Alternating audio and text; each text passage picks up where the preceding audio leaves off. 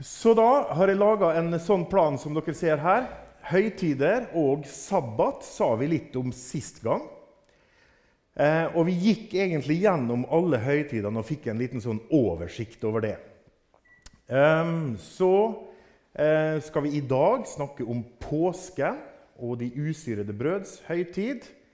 Og så ser dere da eh, etter hvert de forskjellige tinga vi skal ta her. 1.12. blir det førstegrødens dag. Det er bare å glede seg. Det er altså nydelig å snakke om. Eh, og så har vi da to, eh, to etter eh, nyttår utpå våren, eller vinteren, vil jeg sa. Pinse. Og den femte har vi slått sammen tre. Tre høytider. Veldig spennende, syns jeg.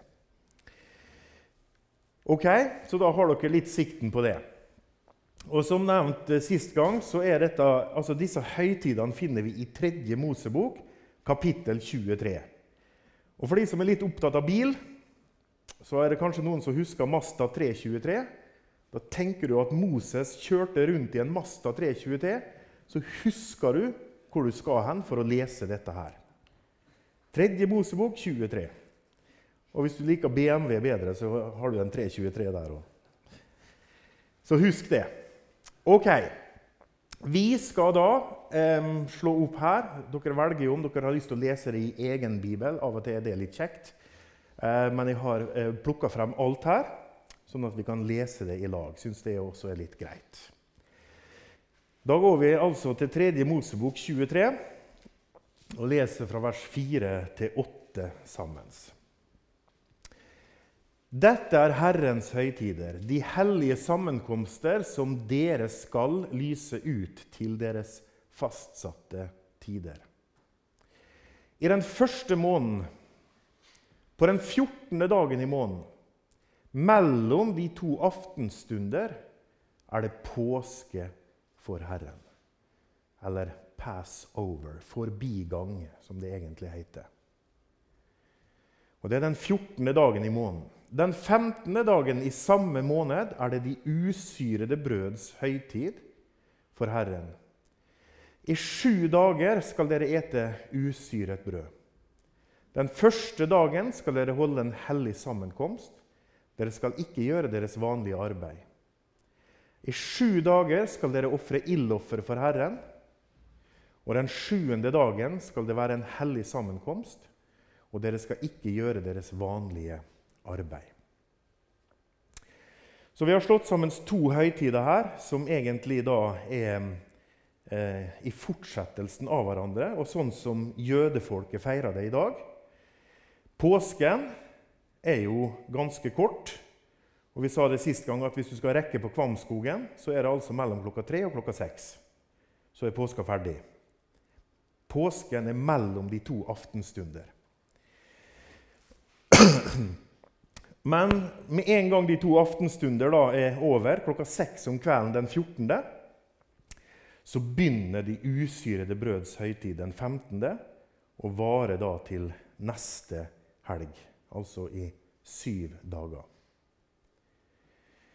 Så det er påska og de usyrede brøds høytid, sånn som de har fått det fremlagt for seg, sånn som de skal feire det. Vi nevnte jo så vidt hvor dette her er henta fra sist gang, og det skal vi ta og lese. Så vi skal lese en hel del i dag. Vi skal lese fra andre Mosebok. Og I andre Mosebok så er jo hendelsen som utløser denne feiringen nettopp av påsken og de usyrede brøds høytid. Det kommer fra andre Mosebok, kapittel 12. Og Jeg har lyst til vi skal lese det fordi det er, det er en av de fortellingene som virkelig eh, hjelper oss. Spesielt når det gjelder frelsesvisshet. Og Den historien den tar jeg veldig ofte frem for meg sjøl og for andre når noen sliter med frelsesvisshet. Og Derfor har jeg lyst til vi skal lese den i sin helhet sånn at du får med deg hva som faktisk skjer i den første forbigangen. Vi trenger en håndspåleggelse. Ops! Der kom han. Ok, Vi leser i Første Mosebok, kapittel 12, og vi leser fra vers 1.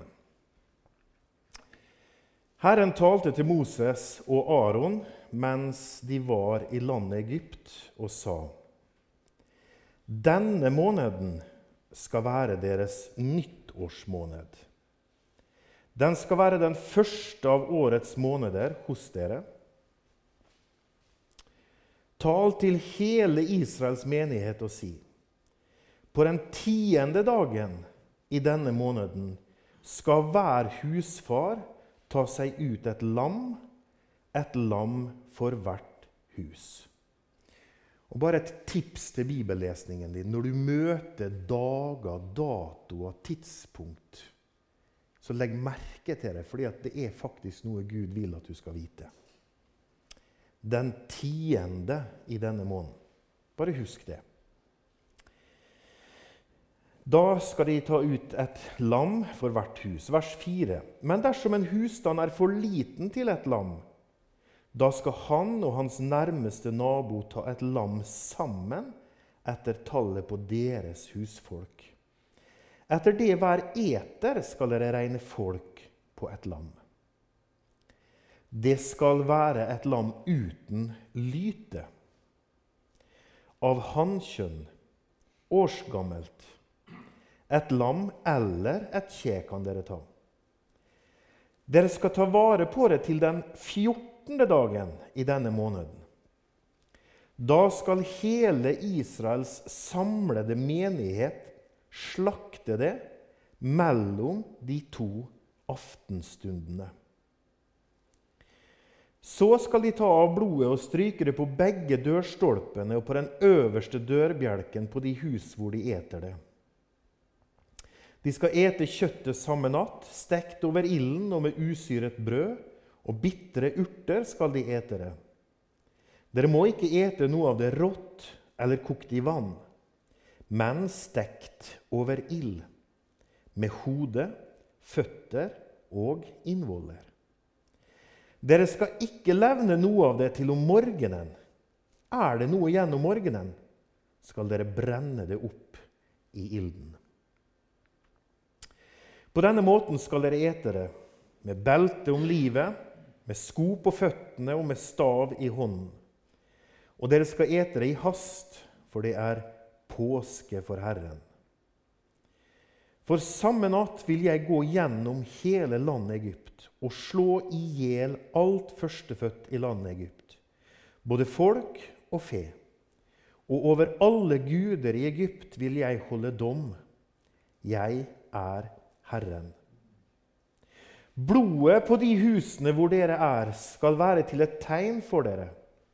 Når jeg ser blodet, vil jeg gå dere forbi og intet dødelig slag skal ramme dere når jeg slår landet Egypt.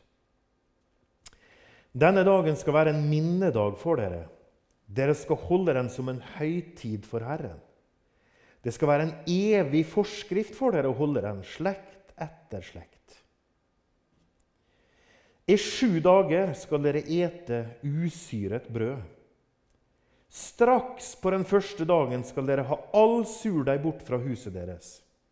Hver den som eter syret brød fra den første til den sjuende dagen, skal utryddes av Israel.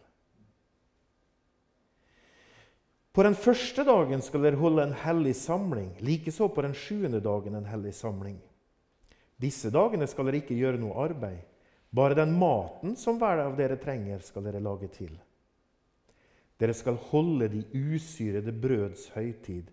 For nettopp på denne dagen førte jeg deres hærer ut av landet Egypt. Derfor skal det være en evig forskrift for dere å holde denne dagen, slekt etter slekt.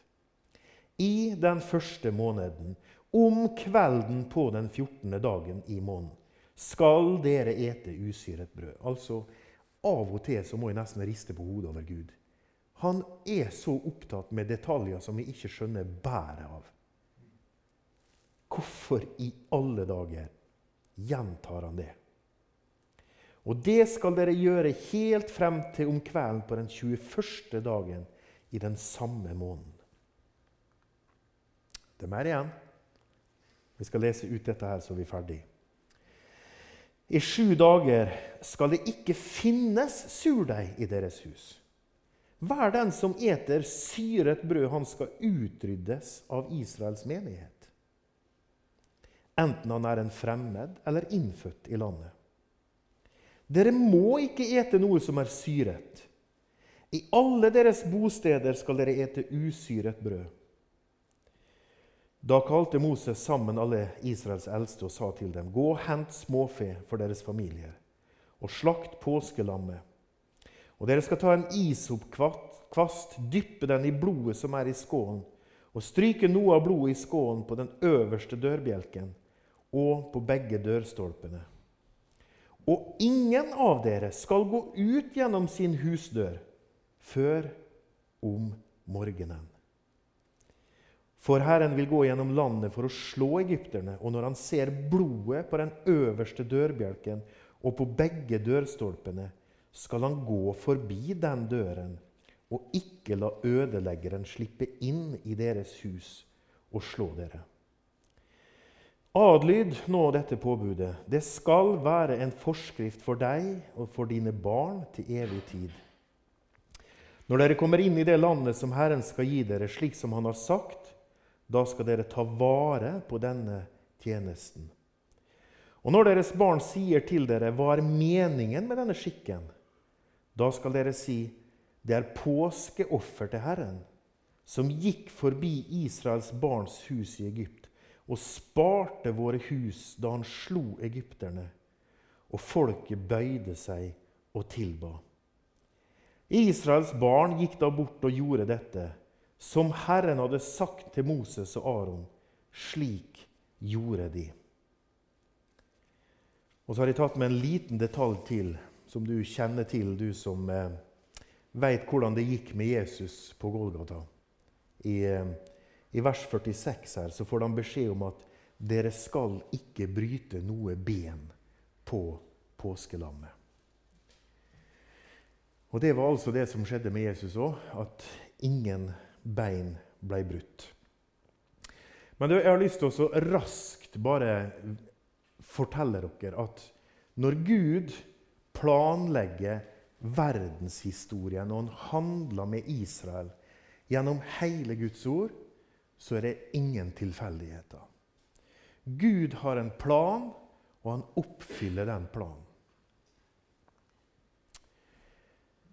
Kristus døde til fastsatt tid. Det var ingen tilfeldighet. Det var ikke slik at det var romerne som styrte dette her. Det var ikke slik at det var jødefolket som styrte dette her. Nei. Det var fastsatt tid. Kristus døde for våre synder etter Skriftene, i henhold til det som før er sagt. Og det hele, kanskje noe av det som har galvanisert meg når det gjelder Guds ord. Altså virkelig overbevist meg. Det er ikke sånn at jeg tror kanskje at dette her er sant. Faktisk jeg er overbevist. Fordi detalj etter detalj har Gud foreskrevet og bestemt, og det går fullstendig til punkt og prikke i oppfyllelse. Og du skjønner det at det er også viktig for meg å vite. Det er veldig viktig for meg å vite at Gud han gjør det han har lovt. For hvis jeg skal lese Romerbrevet 8, vers 1, hvor det står at det er ingen fordømmelse for den som er i Kristus Jesus Hvis jeg skal lese det og så være litt i tvil på om Gud bruker å oppfylle det han lover, ja, da blir det verset litt svakt for meg. Men siden jeg har blitt kjent med en Gud som alltid oppfyller alt det han sier, nøyaktig, så står de 100% og hviler fullstendig i Romerbrevet 8 vers 1. Det er ingen fordømmelse for den som er i Kristus Jesus. Og det har med å bli kjent med den Herre Jesus og med Gud. Jesus han døde etter Skriftene. Han ble begravet han ble reist opp på den tredje dagen etter Skriftene. Forutsagt av Gud og forutbestemt av Gud. Nå er dette her noe vi kunne ha brukt mye tid på. Jeg skal prøve å gi dere en kjapp oversikt. Du har kanskje av og til tenkt på hvorfor feirer vi langfredag? Ja, I mitt hode så passer det veldig dårlig. Hvorfor passer det dårlig med langfredag? Fordi at det står at like som Jonah var tre dager og tre netter, slik skal menneskesønnen være tre dager og tre netter i jordens hjerte. Ja, det funka veldig dårlig fra fredag til søndag. Det blir i alle fall ikke mer enn to netter. Men det spiller jo ingen rolle, for fredagens feiring er jo bare innført av mennesker på et eller annet tidspunkt. Helt greit å feire langfredag, det gjør ingenting, det. Men eh, påskeuka henger ikke helt i hop, sånn som Bibelen presenterer den på den måten. Og dette her kunne vi brukt mye tid på, men når var det påskelammet skulle tas ut og presenteres det lyteløse lammet. Og Det var den tiende nisan, leser vi i 2. Mosebok 12. Hva var det som skjedde på denne dagen? Jo, Jesus rir inn i Jerusalem og blir presentert. Og så skulle han altså Påskelammet skulle oppbevares til den 14. nisan. Og da skulle altså påskelammet slaktes mellom de to aftenstunder. Og det var beredelsesdag før sabbaten. Ja, Da er det mange som har plassert det på fredag. ikke sant? For beredelsesdag før sabbat det er ofte på en fredag. Men det er bare det at de usyrede brøds høytid, den 15. nisan, er en spesiell sabbat som er fastlagt til den 15. nisan. Og de blir en høytidsdag uansett om det er tirsdag eller onsdag eller torsdag. Den havner ikke alltid på sabbaten på lørdag, for den forholder seg til den 15. Alltid til den 15. Så da stemmer det, da, det som Gud har sagt. Jesus han døde mellom klokka tre og klokka seks den 14. nisan. Og de måtte altså få han i grava før den store sabbaten den store høytidsdagen. Og denne sabbaten var også stor fordi det, var, det havna to sabbater etter hverandre. Den årlige usyrede brøds sabbat og så ukessabbaten på lørdag. Tre dager og tre netter i graven.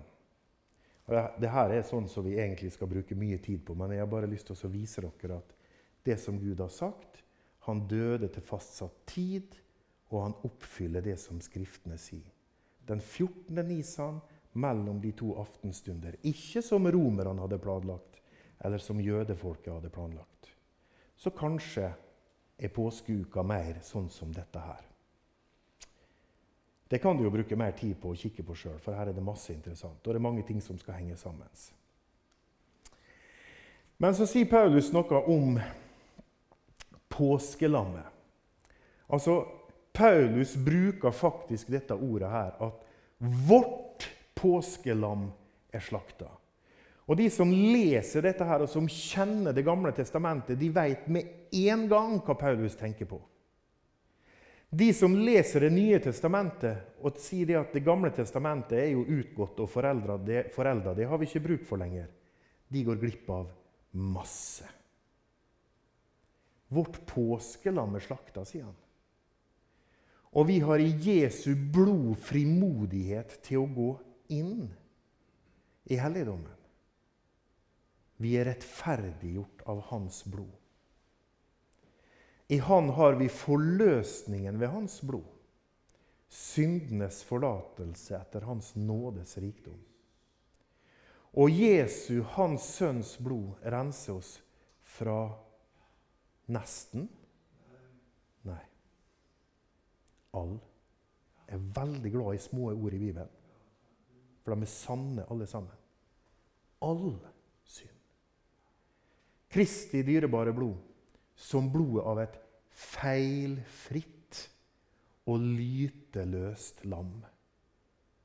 Og nå har du lest historia fra 2. Mosebok 12, og du veit nøyaktig hva det er Det nye testamentet tenker på når Det nye testamentet sier at Jesus er et lyteløst lam. Når Det nye testamentet sier at Jesus er vårt påskelam. Hva var det de gjorde i Israel, eller israelsfolket i Egypt? De strøyk blodet på dørkarmen og på den øverste stolpen. Jeg vet ikke om dere så hva jeg gjorde nå. De strøk blodet på dørkarmen og på den øverste dørstolpen. De står der og tegner et kors i blod. Og så går de inn gjennom døra og lukker døra. Og så sier Gud at de som har gått inn gjennom døra, de er fri ifra dommen. Og det er bare sånn at Denne fortellingen den, den hjelper meg i min frelsesvisshet. For jeg har en dag gått inn gjennom døra. Jesus er døra. Han er inngangen. Vi har adgang ved tro, sier han. Og så befinner jeg meg nå inne i et rom hvor jeg lever livet mitt. Et liv som det er synd i. Et liv som det fortsatt er syndige tanker og syndige ord og syndige gjerninger. Dere skulle bare ha visst Nei, forresten, det får dere ikke vite. Her er mye rusk i mitt liv. Masse rusk i enhver kristen sin liv. Men har du gått inn gjennom døra, så lever du ditt liv inne i et rom som Gud i Romerbrevet 5 kaller for nåden som vi står i. Og der lever du livet ditt. Og så går dommen forbi på utsida. Fordi det var Gud som skulle se blodet. Hvor er Jesus hen nå? Han er i himmelen for i dette øyeblikket å åpenbare seg for Guds åsyn. Gud ser blodet. Fordi Jesus står der med naglemerka hender. Og så lever jeg mitt liv. Jeg har gått inn gjennom døra, og av og til så ramler jeg inn i dette rommet her er fallet i synd. Og Av og til så er fallet i synd sånn at det gjør vondt. Og noen fall i synd gjør vondt resten av livet. Det gjør det. Noen faller i synd på en slik måte at de må leve med det resten av livet. Men har du tatt imot Jesus, har du gått inn gjennom døra, så lever du i et beskytta rom der dommen har gått forbi. Og altså Dette her er til hjelp for meg når det gjelder frelsesvisshet. altså. Og, og, Hvordan tror du stemningen var i de forskjellige husene der i, i, i Egypt? I noen hus så var det jubel. Takk og lov, Gud, at du har frelst oss! I andre hus så var det Tror du dette her holder? Tror dere dette her går bra? Tror dere, tror dere at, at det er nok? Det var redsel, kanskje. Usikkerhet. De forholdt seg til Guds ord, gjorde akkurat som Gud hadde pålagt dem. Men følelsen var annerledes enn i nabohuset, der det var party og jubel for at Gud hadde frelst dem. Var det forskjell på hvor trygge de var? Nei. For tryggheten har ikke noe med hvordan jeg og du har det å gjøre, men det har med hva Gud har sagt i sitt ord. Og Gud har sagt til det at det er ingen fordømmelse. Og at Jesu, hans sønns blod, renser fra all synd. Det er Guds ord som bestemmer. Ikke ditt og mitt liv eller følelsesliv eller hallelujastemning eller nedbrutt og tvilende. Og det kan være forskjell fra dag til dag òg, det skjønner du. Jeg har noen dager hvor det er sånn, og så har jeg noen dager hvor det er ja, sånn vanlig, egentlig. Jeg har ikke sånn veldig mye bølgedaler og. Det er egentlig ganske flatt ved meg. så det går sånn på det jevne. Ok. Veldig praktisk å ha klokka der bak. Da skal jeg prøve å holde tiden. Så nå har jeg brukt veldig lang tid på denne her. Men vi skal ta oss og se litt på hva de skulle gjøre, disse her menneskene i Israel som nå befant seg inne i rommet sitt. Dere skal ete kjøttet samme natt, stekt over ilden. Og med usyret brød og bitre urter skal dere ete det. Dere må ikke ete noe av det rått eller kokt i vann, men stekt over ild, med hode, føtter og innvoller. Dere skal ikke levne noe av det til om morgenen. Er det noe igjen om morgenen, skal dere brenne det opp i ilden. Gud var nøye på det. Her er det ild. Dette her skal grilles komplett, med innvoller og alt. Ingen koking her, altså. Her er det ild som lammet skal inn i. Hva tror du Gud vil fortelle oss med det? Hva tror du Gud planla allerede i 2. Mosebok 12 og ville fortelle oss om hans offerlam? Jo, at Gud, han er en fortærende ild. Og vårt offerlam, Jesus Kristus, han ble gjort til synd for det og meg. Tenk på det hver gang du synder. Så tenker du at denne setningen som vi nå sa, den ble lagt på Jesus og han måtte ta straffa for den. Denne syndige tanken som vi nå hadde, den ble også lagt på Jesus. Og han måtte ta Guds evige straffedom for alle mine tanker og ord og gjerninger. Kjære Gud, kan du hjelpe meg, så ikke legger enda flere synder på han, men han har tatt alt. Og han sier altså det i Jesaja 53, at Gud, når han ser sin elskede enbårne sønn på Golgata, så står det at det var til behag for Gud å knuse sin elskede enbårne sønn. Fordi Gud hater synder, som han ser på Golgata kors. Og jeg ser så ofte for meg Gud og Jesus på vei opp til Golgata. Litt på samme måten som Abraham og Isak. Der de går. Tre dagsreiser. Og Isak bærer veden. Og han skal ofres. Hva tror du denne faren tenkte på når han gikk der, og når han løfta kniven? Det var ikke godt for Herren.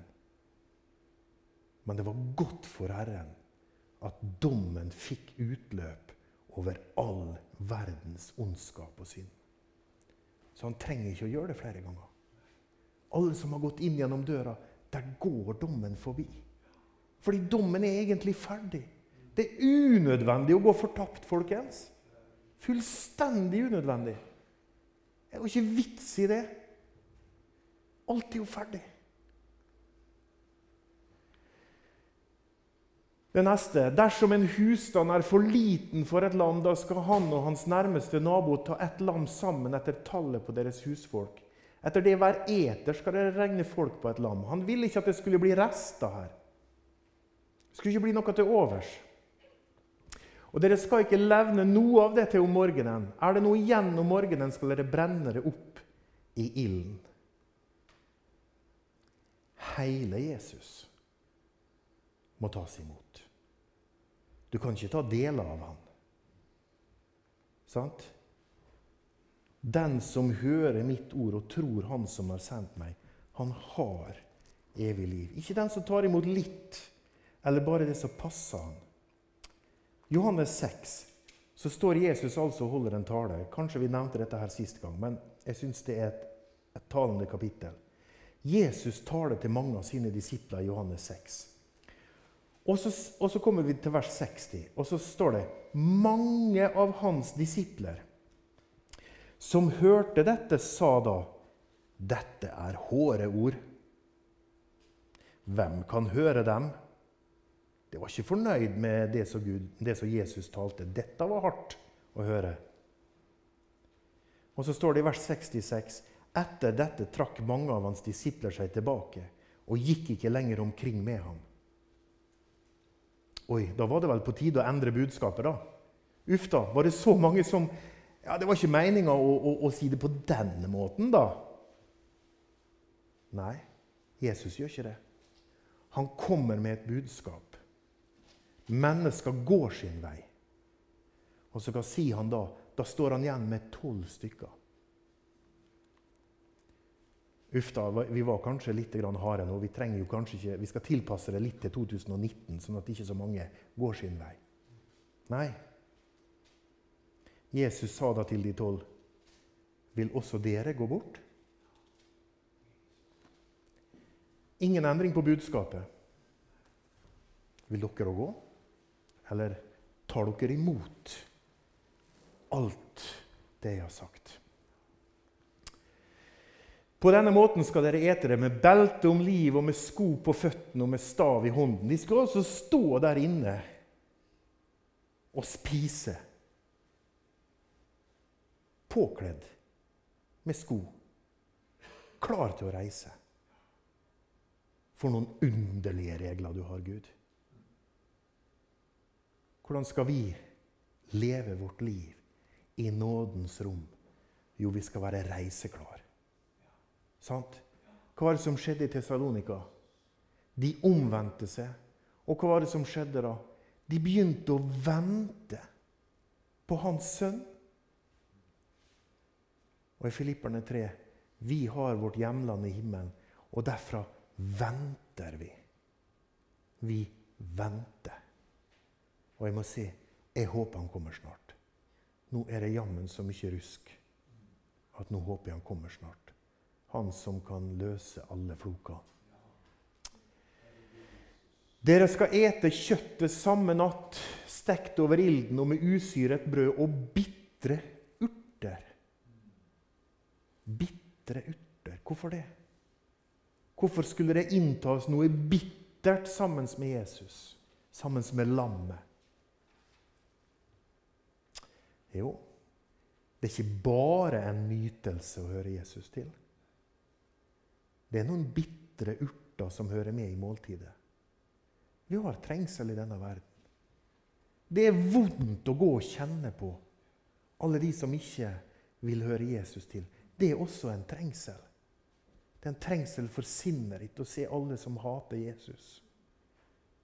Alle som hater Guds ord. Alle som prøver å snu opp ned på det herlige evangeliske budskapet og trakke det ned. Det er trengsel. Det er bittert. Verden hater oss. Må ikke forvente noe annet. Må ikke forvente at verden elsker oss. Gud har sagt at det er sånn det skal være.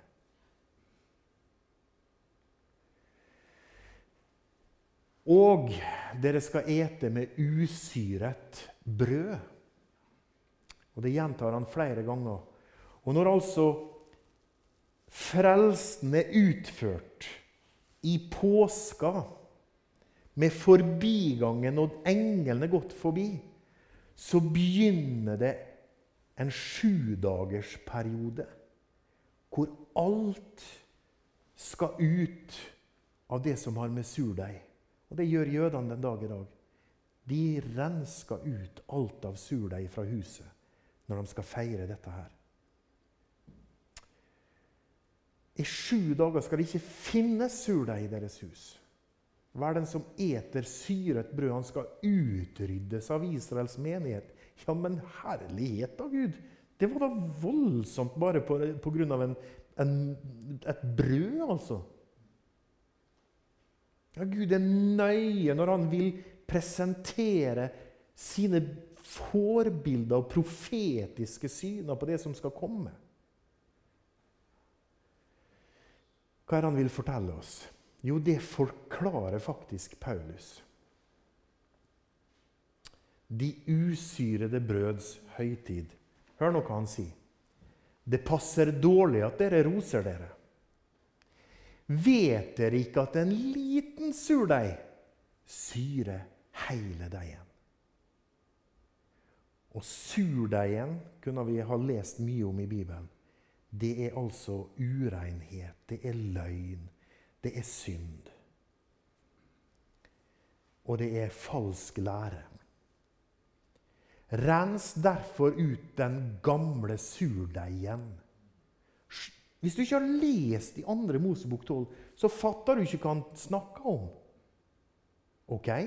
Skal vi gå hjem og sjekke alle pakkene med gjær vi har, og så kaste de ut vinduet, liksom? Er det det han forsøker å si? Nei. Hvis du kjenner historien fra Det gamle testamentet, så skjønner du hva han snakker om. Rens ut den gamle surdeigen, så dere kan være ny deig, siden dere jo er usyret. Hvorfor det? Jo, for det står i neste setning. Hva er det som gjør at du er usyret? Du er hellig og rein. Sett ifra Guds side så er du fullkommen. Jo, for Vårt påskelam er slaktet. Kristus. Det er årsaken. Påska er årsaken til at Gud kan si det til deg og meg. Men vi har et liv å leve inne i dette nåderommet. Og så sier han, 'Rens ut'. La oss holde høytid, ikke med gammel surdeig, ikke med ondskapen og lastens surdeig. Få ut ondskap og alle laster men med renhets- og sannhets usyrede brød. Det usyrede brøds høytid det har med det kristne livet å gjøre. Påska, forbigangen, det har med den dom som er ferdig utført for 2000 år siden på Golgata. Den er gjort. Derfor kan jeg og du si det at det er ingen fordømmelse. Men vi har et liv som vi skal leve for Herren. Og da sier Paulus det her. Rens ut. Legg vind på.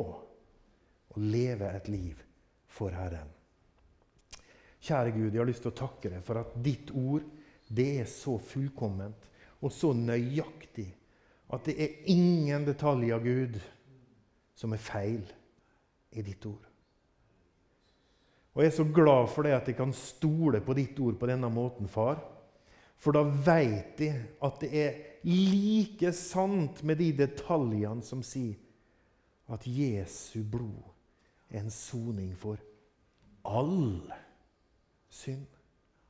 Og at det finnes ingen fordømmelse. Og alle de som kommer til det, har du gitt rett til å være Guds barn. Jesus, jeg har lyst til å takke deg for at alle disse ordene er sann. Hjelp oss, Jesus, til å ta imot hele det. Ikke bare tilpasse deler som, som, er best, sånn som vi ønsker det i dag, i 2019.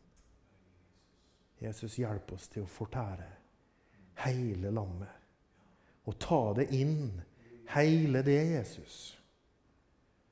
Kjære Jesus, jeg har lyst til å takke og prise deg for at frelsen er så fullkommen.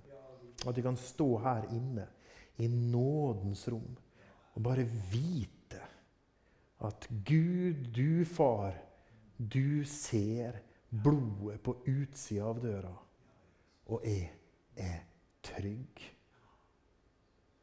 Kjære Gud, jeg har lyst til å takke deg for det.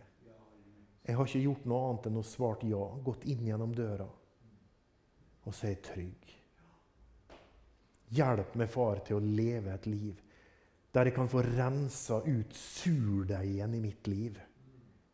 At vi kan få leve et liv som er mer og mer til behag for det. For hver dag som går. At vi kan leve mer og mer som et sendebud for det i hellighet og ære. Far, det ønsker jeg fordi du har gjort alt for meg. Takk og priser deg for at ordet ditt er sant, Gud. Jeg har lyst til å takke deg for at du har all makt i himmel og på jord. Jeg har lyst til å takke deg for at du kommer snart, Jesus. Verden er på vei mot en forløsning, og du skal hente din menighet. Og kjære Jesus, jeg er glad for at jeg blir med den dagen når du henter din menighet. Ikke fordi jeg har fått det til, men fordi at ditt blod renser fra all synd. Amen.